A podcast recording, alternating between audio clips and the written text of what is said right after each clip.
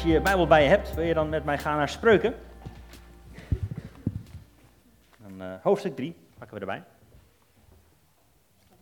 Ja hoor. Spreuken hoofdstuk 3 gaan we 9 vers uitlezen, vers 1 tot 9. Er staat het volgende.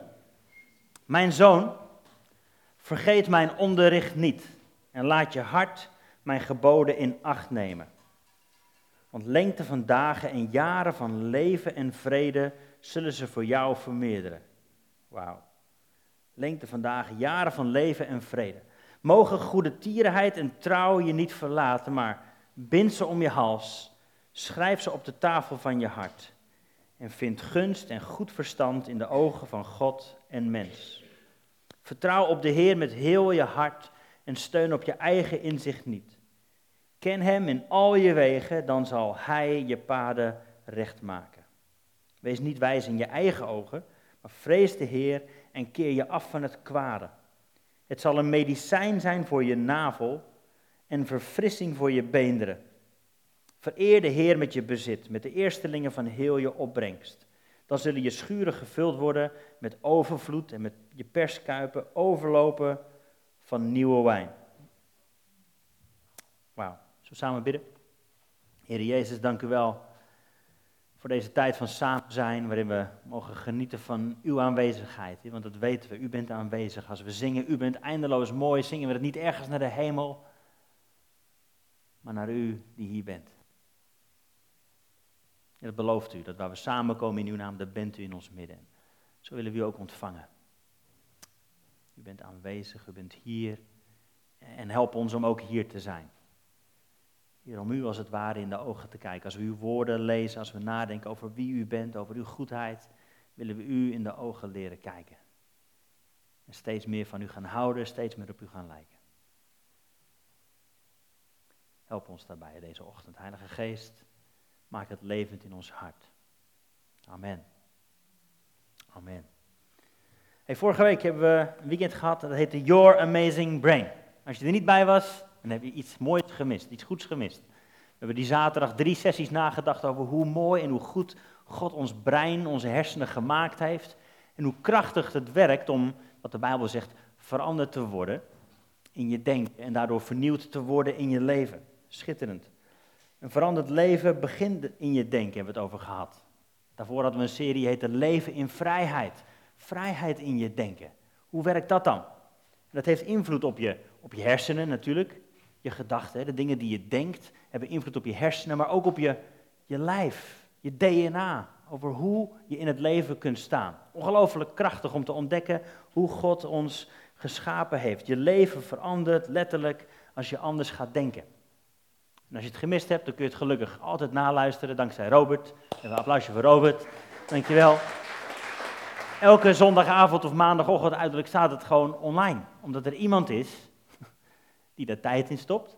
Omdat er iemand is die dat wil knippen en plakken en wil uploaden. En die steekt daar moeite in. Daar zijn we dankbaar voor, vinden we belangrijk. Maar dat moet wel iemand doen.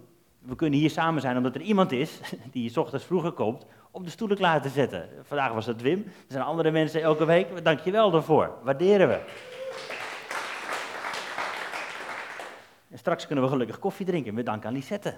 Weet je wel? Hey. Onze kinderen hebben een goede tijd met dank aan het hele kinderwerkersteam. Zijn we blij mee. Daar genieten we van. Maar er moet wel iemand zijn die daar een hart voor heeft. En niet zomaar van, ja, het moet toch gebeuren. Nee, we vinden het fijn als iemand dat doet met een hart. zo zijn er heel veel mensen dan. Mensen, vriendelijke mensen bij de deur, hallo, vriendelijke mensen bij de deur. zo begin je je dag met een glimlach. Weet je, omdat iemand je welkom heet. Nou, zo zijn er heel veel mensen hier achter het podium, op het podium, noem maar op. We doen het samen. En daar zijn we dankbaar voor. Dus we hebben het gehad vorige week over ons brein. De komende paar weken gaan we nadenken over ons hart. Nou ben ik geen arts en uh, gaan we niet zo diep in het hele medische gebeuren, maar we gaan wel nadenken over ons hart. De Bijbel zegt, vanuit je hart komen stromen van leven. En ons hart willen we vullen met bepaalde waarden. Nou, misschien kunnen we het eventjes laten zien. De komende paar weken gaan we hierover nadenken. Over, in het Engels, de eerste letters van deze woorden. Honor, excellence, advancement, reaching out and togetherness. Deze vijf waarden En we als Connect Kerk vanaf het begin hebben we gezegd, dit vinden we belangrijk. Dit zijn onze waarden, dit is het hart waarmee we dit willen doen. We willen geen kerkjes spelen, we willen niet op zondagochtend een paar stoelen vullen. We hebben een hart ergens voor. We hebben waarden, dingen die we belangrijk vinden voor de manier waarop we in het leven staan en het leven samen doen. En vandaag gaan we dus beginnen met het eerste woordje, honor. De komende vijf weken willen we dit allemaal uitpakken. Waarom hebben we deze waarden gekozen? Waarom is dit belangrijk voor ons en voor jou en voor mij? Wat heeft dit te maken met ons leven hier en nu vandaag? Het woordje honor, in het Nederlands vertaald eren. Eren. En dan krijg je meteen, als je net zo'n beetje denkt als ik, meteen zo'n to-do-lijstje in je hoofd, maar je doet het nooit goed genoeg. We moeten God beter eren. Oh ja, dat moet. Weet je wel? Zo'n zo'n drijfveer van ja, moeten, van angst bijna. Want ja, anders ga je naar de hel of zo. Maar dat is geen drijfveer. Waarom eren we eigenlijk? Dus daarom wil ik vanochtend een stapje terug doen en eigenlijk heel simpel die paar vragen stellen die je altijd stelt. Wat is eren? En, en waarom eigenlijk? Heel belangrijk. Hè? Waarom zou je eigenlijk eren? En, en wie en wat moet je dan eren en wanneer? En hoe? Goeie vragen, toch? We hebben bijna een interview bij elkaar. Dus wat is eren? Wat is eren? Als je goed hebt opgelet in het stukje wat we net lazen in Spreuken, het laatste zinnetje gaat daarover. Dat zullen we straks nog een keertje lezen. En een tekst uit Exodus 20, bij de tien geboden, gaat daar ook over. We hebben het vorig jaar over gehad, over de tien geboden. Ook onder het kopje eren. Toen ging het eigenlijk over niet zozeer de geboden van dit moet je doen, maar dit is God die een hele groep mensen redt, een heel volk redt, wat nog nooit heeft geleerd wat het betekent om mens te zijn. Ze wist alleen maar wat het betekende om slaaf te zijn, om, om elkaar als slaaf te behandelen, maar niet om behandeld te worden als, als mens of anderen te behandelen als mens. Dus daar gaan we naar kijken. Spreuken 3 vers 9, die we net lazen. Vereer de Heer met je bezit, met de eerstelingen van heel je opbrengst. Dan zullen je schuren gevuld worden met overvloed en je perskuipen overlopen van nieuwe wijn. Dat eerste stukje vereer dat woord. En dit woord, Exodus 20, eer uw vader en uw moeder, opdat uw dagen verlengd worden in het land dat de Heer uw God u geeft. Dat, dat woordje wat er staat, dat, dat spreek je zo ongeveer uit als gavet. Dat is wat er in het Hebreeuws staat. Zeg eventjes met een goede gavet. Wij zijn Nederlanders, wij kunnen dat. Gavet, wij kunnen nu Hebreeuws. en dat betekent zoiets als, nou wat hier staat. Eigenlijk betekent het zoiets als, als zwaar. Ken je dat? afgelopen donderdag hadden we een avond met een hele groep mensen van, van onze teams. En aan het eind zongen we een lied, heel simpel lied. Maar je voelde als het ware zo'n zware aanwezigheid van God. Niet zwaar als in moeilijk, maar zwaar als in, als in dik. Als in bijna voelbaar, tastbaar. Dat je weet, wauw, God is hier. Vet. Ga vet. Dat betekent dat woordje. Het is zwaar, het is massief, gigantisch, overvloedig, talrijk, het is veel, zwaar. Het kan ook negatief uitgelegd worden. Op sommige plekken in de Bijbel is dat ook zo. Als het gaat over iets wat zwaar of dof is, of saai, of moeilijk, of benauwend. Maar ook talrijk of rijk. Dus afhankelijk van de context van de zin betekent dit woord iets heel positiefs of iets minder positiefs. Zwaar. Eigenlijk, vertaald naar simpel Nederlands, voor mij dan is dat wat zwaar is, moet zwaar wegen. Toch? Dus als je God wil vereren, dan weegt zijn mening dus heel zwaar. Wat hij belangrijk vindt, vind ik dan ook belangrijk. Denk aan bijvoorbeeld, hoe ga je met je, met je partner op, of met vrienden, hoe, hoe eer je hun? Nou, je, je vindt hun belangrijk, dus wat zij belangrijk vinden, dat vind je dan ook belangrijk, als het goed is. Toch? Niet altijd makkelijk, vraag maar aan Heidi. Maar dat is, niet dat zij dat niet doet, maar dat ik, nou ja, enzovoort. Maar ehm, wat zwaar is, moet zwaar wegen. Eigenlijk is dat, in het kort, in het simpel, dat is wat eren is. Je maakt iets zwaar en belangrijk. En dat staat dus in het centrum. Dat is wat eren eigenlijk is. Dus die, die dingen die we net zagen. Vereer de Heer met je bezit. God, u bent heel zwaar, u bent heel belangrijk, u bent heel groot in mijn leven. Dus daar gaat mijn eerste aandacht naar uit. Eer uw vader en uw moeder, staat er ook. Dat wat zij belangrijk vinden, vind ik belangrijk. Prioriteit geven, eigenlijk is dat Heel simpel vertaald naar hedendaags leven. Wat eren is, je geeft prioriteit aan wat voor die persoon belangrijk is. Wat voor hem of haar zwaar weegt, dat mag voor mij zwaar wegen en belangrijk zijn, prioriteit hebben. Nou, waarom eren? Volgende vraag. Dus wat is eren? Het is zwaar, belangrijk, prioriteit. Maar waarom eigenlijk? Nou, we zongen net, God is waardig. Als je door de hele Bijbel kijkt, maar zeker in het laatste stukje, waarin we een glimp krijgen van wat er in de hemel gebeurt. Waardig, waardig, waardig. Hij is het waard. Dat is eigenlijk reden genoeg.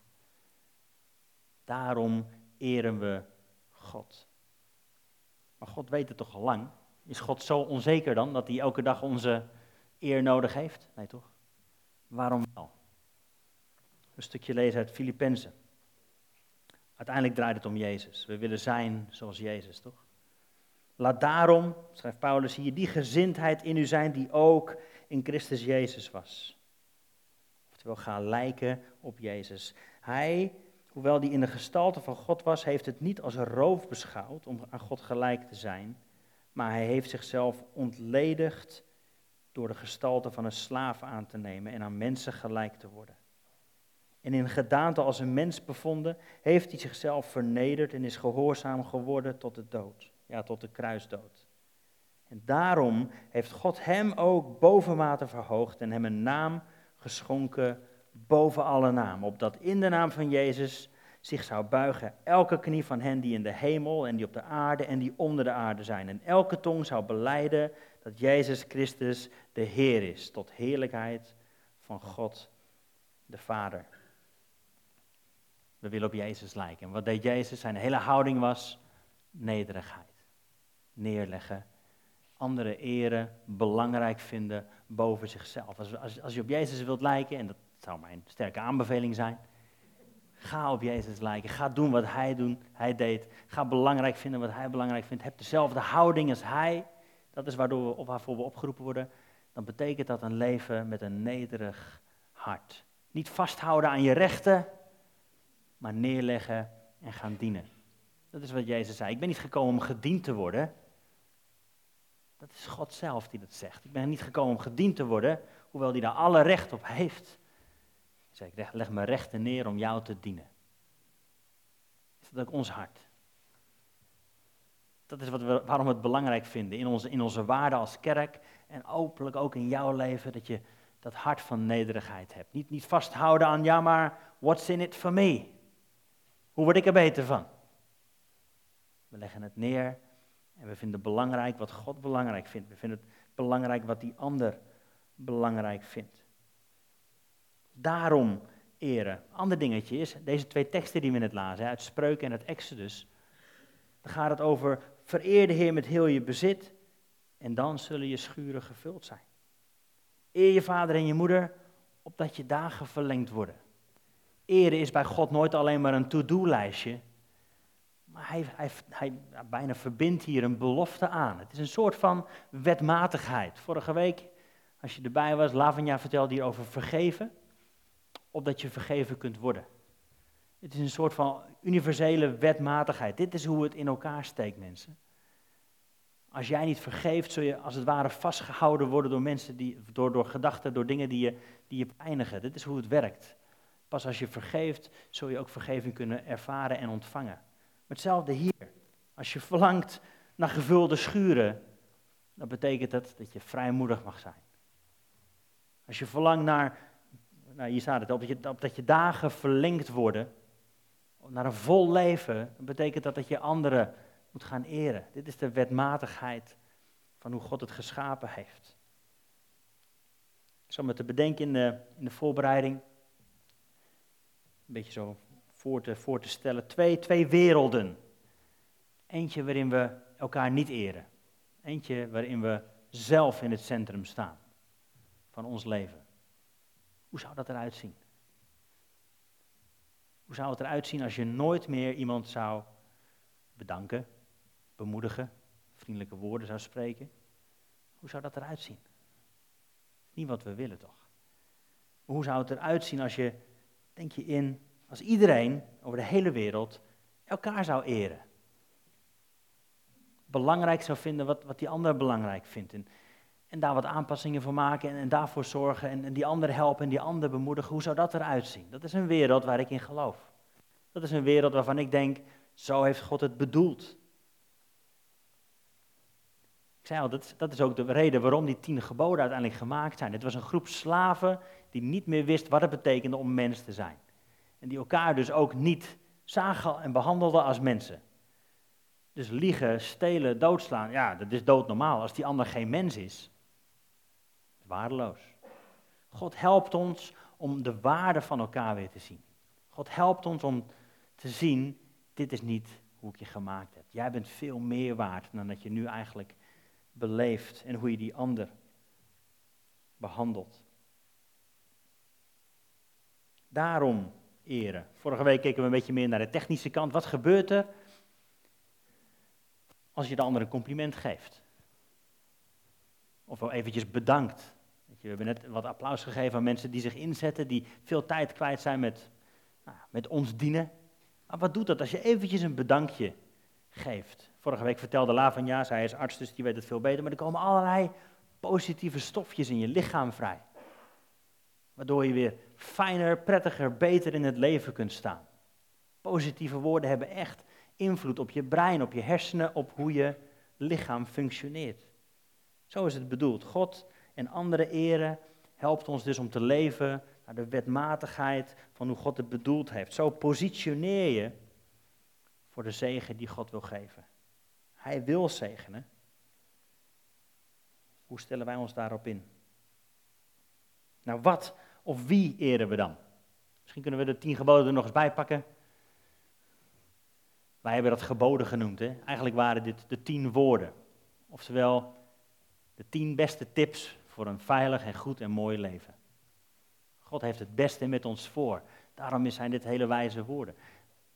In de traditionele manier van kijken, zeker de Hebreeuwse manier van kijken, zijn het twee keer vijf woorden. Vijf is het getal van genade genade worden. Twee keer vijf. Links staat er geen andere God eren, geen beeld maken, Gods naam niet ijdel gebruiken. Heilig de Sabbat en eer uw vader en uw moeder. En dan links, niet doodslaan, niet echt breken. Zo stond hij in ieder geval in mijn boek, mijn bijbel, mijn vertaling. Eigenlijk gaat het een stukje dieper nog. Niet ontrouw zijn. We zijn heel sterk geweest in onze cultuur om mensen die, die scheiden, om die bijna te verdoemen. Het is de ergste zonde die je kunt gaan, maar eigenlijk gaat het een stapje dieper nog. Niet ontrouw zijn. Ik wil dat eventjes kort noemen. Soms kun je je schuldig voelen als je inderdaad gescheiden bent, dat je denkt, ja, nou is mijn leven met God voorbij, mijn kans is verkeken. Soms is echt breken of scheiden alleen maar een gevolg van iemand die ontrouw was aan de belofte die hij aan jou gemaakt heeft. Iemand heeft beloofd om voor je te zorgen en dat heeft hij niet gedaan dan kan het kloppen dat het kapot is. En dat de logische stap scheiden is. Ik weet niet voor wie dit is, maar ik had het op mijn hart om dit toch te delen. Er is geen veroordeling daarin. Niet stelen, niet liegen en niet begeren. Twee keer vijf woorden. Dus, nou, mij viel op in ieder geval dat eigenlijk alleen maar die ene twee positief geframed zijn. Zie je dat? Heilig de Sabbat en eer uw vader en uw moeder. Voor de rest is het allemaal niet doen. En nogmaals, het is geschreven aan mensen die niet beter wisten. Ze waren slaaf geweest. Ze moesten een heleboel dingen afleren. Heilig de Sabbatdag en eer uw vader en uw moeder. En eigenlijk gaat het twee kanten op, hè? links en rechts. Twee keer naar, boven, of twee naar boven. Dat is naar God gericht en naar ook je ouders eren. Volgens de Hebreeuwse manier van denken heeft dat te maken met hoe je God eert. En aan de andere kant naar mensen gericht. Dus naar boven en naar buiten gericht. Jezus voegt er eigenlijk een derde weg aan toe, de weg naar binnen. Hou van God, hou van anderen zoals je van jezelf houdt. Allereerst God. Als we ja zeggen tegen Hem, dan is Hij onze redder, is Hij onze vriend enzovoort. Maar Hij is ook onze Heer. Dus wat Hij belangrijk vindt, moet dus zwaar wegen, moeten we belangrijk vinden. Maar ook dus de mensen om je heen. En in Jezus ging het in één adem door. Hou van God, hou van je naaste. Johannes, de discipel die Jezus lief had, zegt zelfs, hoe kun je nou zeggen dat je van God houdt die je niet kunt zien en tegelijk niet houden van je broer, die je wel kunt zien. Dat bestaat niet. Dat kan niet. Oftewel, God eren en mensen eren. Van God houden, van mensen houden. Gaat hand in hand. Het een gaat niet zonder het ander. Dus wie moeten we eren of wat moeten we eren? Ik denk dat het erop neerkomt, iedereen. Iedereen. Ook lastige mensen. Ook lastige ouders. Ook lastige kinderen. Lastige leiders. Het is een moeilijk dingetje, zeker in Nederland, heb ik gemerkt. Hoe gaan we met leiders om? Hoe zien we mensen die een positie of een plek hebben? Het zijn moeilijke dingen. Maar uiteindelijk geloof ik dat als we gaan zoeken naar wat is voor hem belangrijk, hoe kan ik voor hem, hoe kan ik voor haar, als we niet meer zelf in het centrum staan, maar die anderen in het centrum gaan zetten, kijken naar wat zij belangrijk dat is een fantastische cultuur volgens mij. Volgens mij is dat ongelooflijk aantrekkelijk en kent de wereld het helemaal niet. Op jouw werkplek, als je dit met je mee gaat dragen, als je inderdaad echt geïnteresseerd bent in wat is voor mijn collega belangrijk, hoe kan ik hem ontlasten? Hoe kan ik hem aanvullen? Hoe kan ik hem dienen? Volgens mij creëer je daarmee een ongelooflijke mooie cultuur. Ook op je werkplek. Ook in je school. Ook in je vriendengroep. Als je echt het aandurft om die ander te zien. Te horen. En te geven wat goed is. Zo willen we eren. We willen God eren, we willen anderen eren. En wanneer? Tja, wanneer niet? heb de hele Bijbel doorgelezen, maar ik zag nergens, dan hoef je niet te eren. Volgens mij stond het er niet in. Er staan wel dingen in zoals, neem je kruis op je. God laat alles meewerken ten goede. Er staat ook in, wanneer je weet dat iemand iets tegen jou heeft, dan zet jij de eerste stap. Bij wie ligt de bal? Bij ons. Ook al voel je dat die ander jou niet eert, dan nog ligt de bal bij jou. Ga niet zielig doen. God woont in ons. We hebben alles wat we nodig hebben om zelf de eerste stap te zetten. Om zelf de eerste stap te zetten naar die ander. Om die ander te gaan eren. Altijd. Zo positioneer je dat je Gods zegen kunt ontvangen. Vergelijk het maar met een paraplu. Als je onder die paraplu blijft staan, dan word je niet nat. Maar als, je, als jij ervoor gaat kiezen om inderdaad naar buiten te treden en die ander gaat eren en gaat kijken, dan kom je als het ware onder die paraplu van je eigen hokje vandaan en ben je vrij om Gods zegen te ontvangen. Die beloftes die we net lazen bijvoorbeeld, de Bijbel staat er vol mee. God heeft het goede voor jou voor ogen. God wil jou overvloedig zegenen. God wil je geven wat je nodig hebt nog veel meer. En als laatste dan heel praktisch, hoe kunnen we God eren? Hoe kunnen we anderen eren? Hoe kunnen we God eren? Nou, altijd wel van die lijstjes natuurlijk. Maar je kunt God eren bijvoorbeeld met je tijdsindeling. We net in spreuken, geef God de eerstelingen. Hoe zit het met onze eerstelingen? Onze eerste aandacht, onze eerste tijd. Hoe zit het daarmee? Hoe zit het met onze eerste talenten? Met daar waar we goed in zijn. Ja, dat kost je wat. Jona is hier, was hier vanochtend om 9 uur. Als hij geluk heeft, is hij vanavond om 11 uur thuis. Hij is hier nu aan het dienen. En hij scheurt hij door naar Veenendaal. Om daar de hele dag te spelen, om mensen te dienen. Kost je wat. Mag het je wat kosten om God te dienen met je talent, om anderen te dienen met je talenten? eer je God? Eer je God met je lichaam? We weten, ons lichaam is een tempel van de Heilige Geest. Gaan we er goed mee om?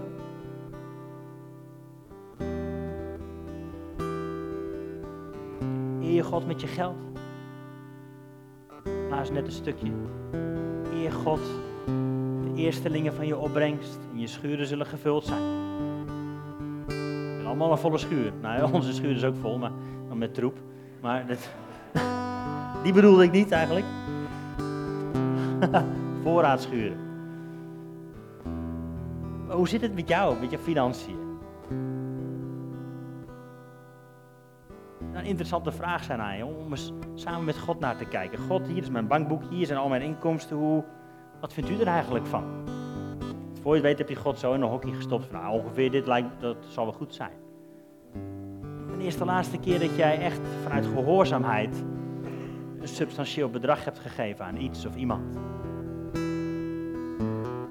Dat hoort bij discipelschap. Als je, als je Matthäus leest, het evangelie van Matthäus, er zit heel veel in over geld. Matthäus was tollenaar, wist het een en ander van geld. Je zult zien dat juist in veel van de gelijkenissen in Matthäus gaat het over geld. Het is niet een dingetje wat er ook wel bij hoort en oh ja, dat is werelds of zo. Niks is werelds in de ogen van God. God heeft alles gemaakt. God heeft dit ook jou toevertrouwd. Hoe ga, hoe ga je daarmee om? Eer je God met je eerstelingen. Mooi hè, voor mij was dat door te lezen spreuken. En dan gaat het inderdaad over God eren met je eerstelingen, maar een paar versen daarvoor staat vertrouw op God. Soms hangt het daarop, hè. Vertrouw je God dat hij inderdaad echt het beste met je voor heeft? Of is God een, een eisende God die je geld nodig heeft of zo? Of vertrouw je hem dat hij echt het beste met jou voor heeft? Eer God met je gedachten. Nogmaals, luister de preken van vorige week na. Eer je God met waarheid in je gedachten over hoe je hem ziet, over hoe je jezelf ziet, over hoe je anderen ziet. Eer God met je gedachten. Zo kunnen we God eren. Hoe kunnen we anderen eren? Mijn eerste tip zou zijn: wat zegt God wat het beste is voor die persoon?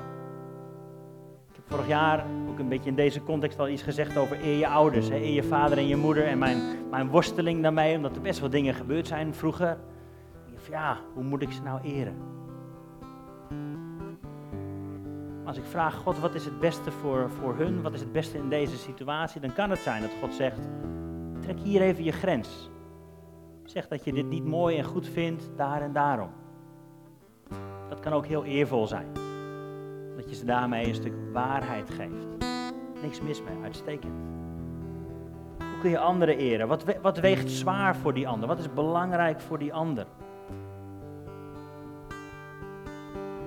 Laatste dingetje, en daar begon ik eigenlijk ook mee.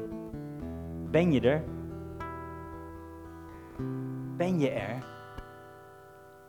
Dat is iets waar ik zelf heel erg mee worstel, heel vaak. Dan merk ik, zitten we thuis aan een volle tafel en dan... Waar ben ik eigenlijk met mijn hoofd? Ken je dat? Zoveel andere to-do dingetjes en je voelt je telefoon trillen. Oh, misschien was het die of die. Of... Ben je er? Dat is het mooiste geschenk, denk ik, wat je aan elkaar kunt geven mooiste geschenk wat ik aan Heidi kan geven door mijn hoofd en mijn agenda vrij te maken en te zeggen, nu zijn we samen, wat zullen we gaan doen? Het mooiste geschenk wat jij, je buurman, je buurvrouw, je collega, je vrienden kunt geven. Aandacht. Ben je er? Wil je, wil je horen? Of ben je aan het luisteren om zo snel mogelijk weer antwoord te kunnen geven? Ben je er? Geldt ook voor hier. Niet alleen thuis of in je vriendschap, maar ook in de gemeente. Zo makkelijk om te zeggen, ah, deze week ben ik er even niet. Maar je, onthoudt iemand het geschenk van jouw aanwezigheid. Van jouw oor, van, jou, van jouw stem, van jouw woorden. Van jouw bemoediging. Je ontneemt iemand iets als je er niet bent. Goed om er op die manier naar te kijken. Ik zou willen vragen of je wilt gaan staan. Dan gaan we zo afsluiten met een laatste lied, maar ik wil eerst nog tijd nemen om te bidden.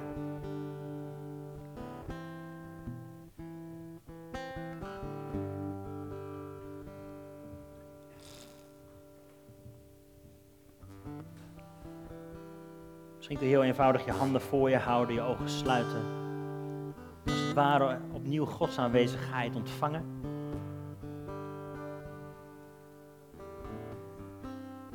Ook heel praktisch zo te staan en te zeggen, Heilige Geest, is er iets wat u wilt geven? Wijsheid, inzicht, misschien een richting.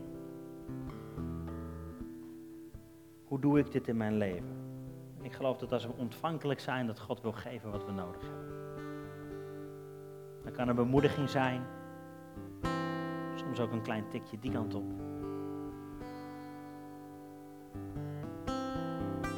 Heb jij jezelf zo gepositioneerd dat je zelf in het centrum van jouw leven staat?